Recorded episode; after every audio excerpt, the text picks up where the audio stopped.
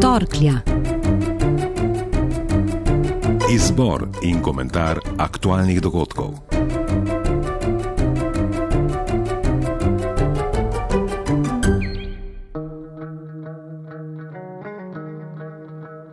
Teden se je začel spokojno, kot se za velikonočni ponedeljek spodobi. Papež Frančišek je v poslanicah in blagoslovu mestu in svetu veliko misli namenil beguncem, večkrat je uporabil besede mir, dostojanstvo, spoštovanje. Poslušali so ga milijoni, a že prvi delovni dan je pokazal, da teh besed nismo zares slišali. Z lahkoto smo zdrsnili v tečene tirnice vsakdana.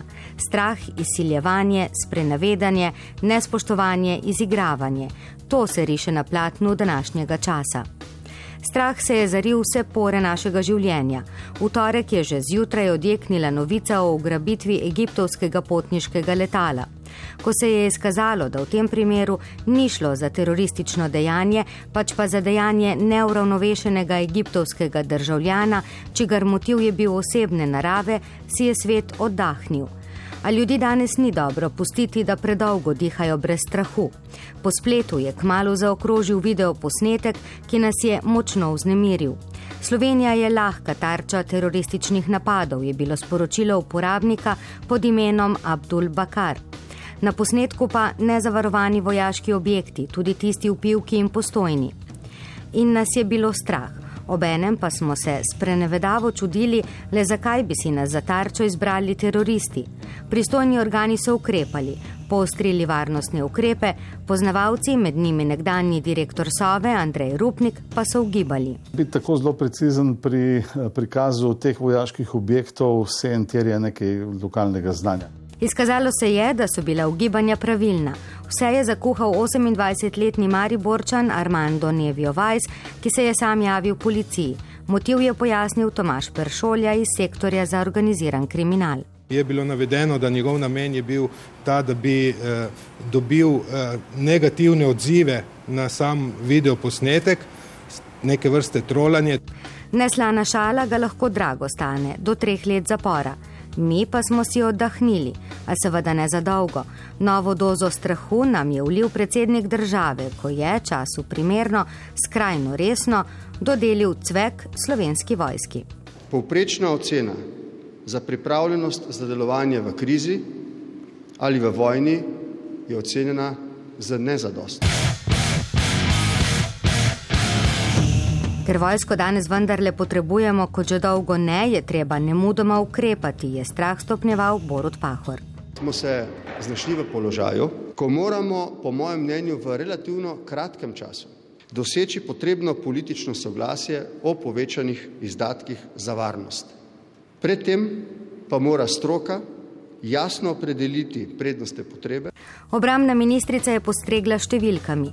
Za vzdrževanje opreme in modernizacijo bi vojska v prihodnih letih potrebovala najmanj 95 milijonov evrov. Ne bi raje tega denarja namenili ranljivim skupinam, upokojencem recimo. Vedno več jih je, ki zborno pokojnino ne pridejo skozi mesec, ki živijo pod pragom revščine. Prvak Desusa Karel Rjavec je ta teden bil oster boj s finančnim ministrom Mramorjem v svojem znanem slogu. Pri izredni uskladitvi pokojnin bom ustrajal, je bil odločen.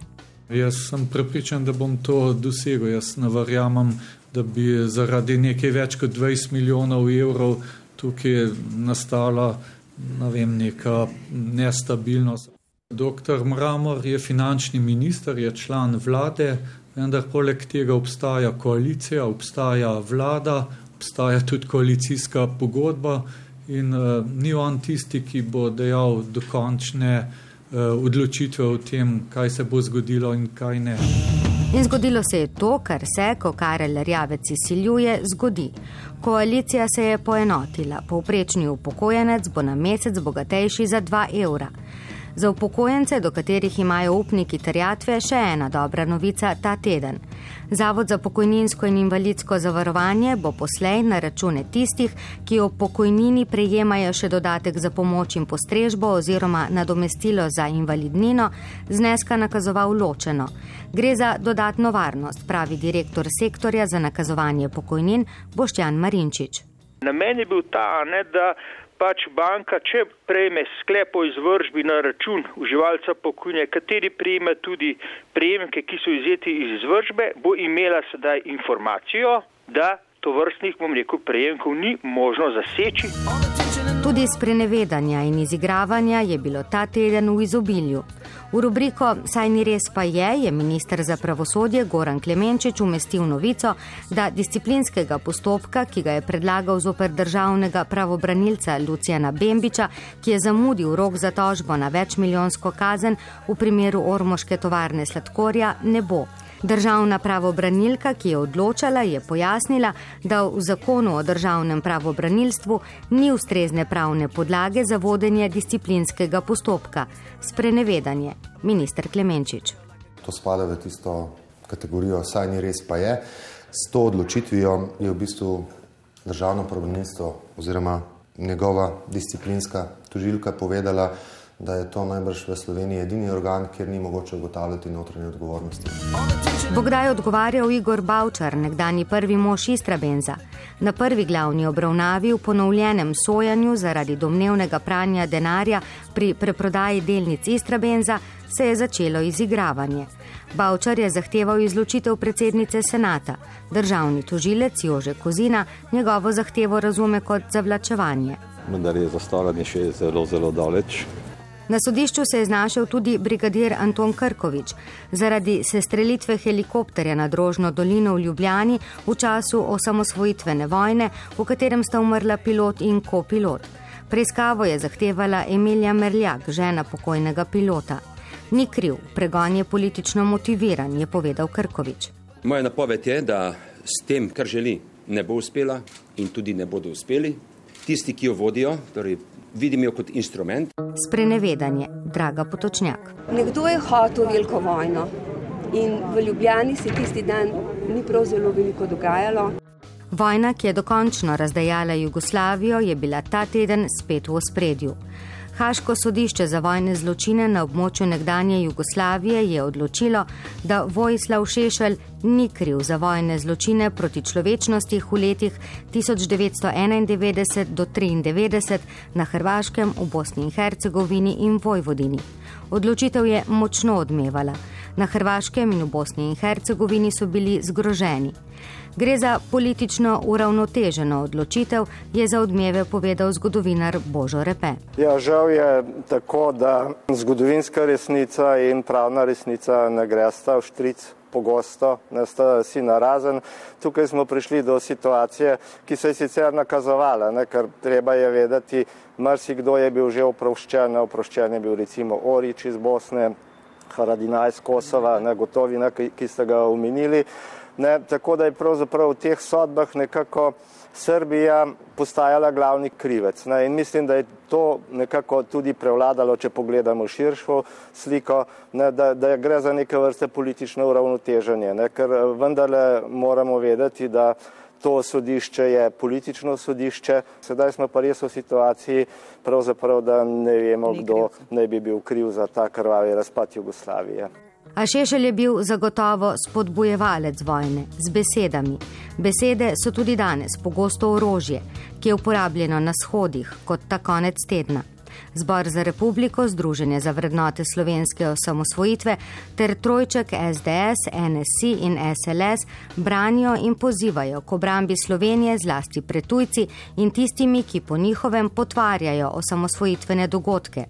Številne civilne družbene skupine pa opozarjajo, da so za nastali položaj odgovorne elite in s prstom kažejo tako na Jane Zajanšo kot na Mira Cerarja.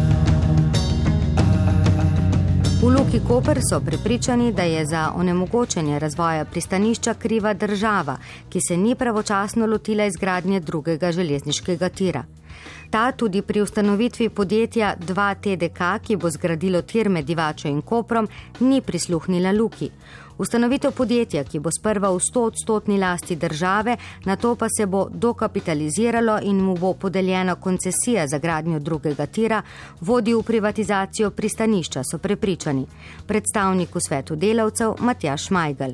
Projektno podjetje, ki se zdaj ustanavlja z našega vidika, je samo zapravljanje časa.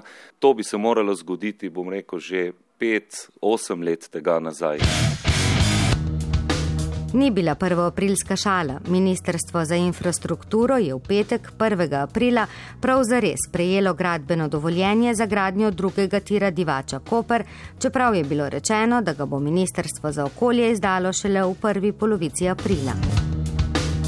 Bodo pa ta teden v lepem spominu ohranili v postonski jami.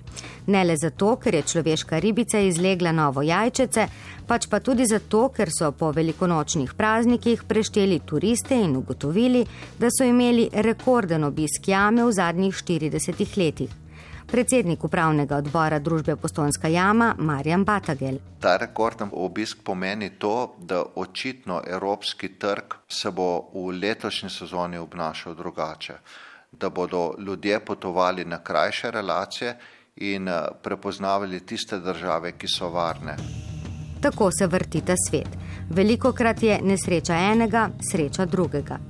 Kakorkoli, res je prišla pomlad.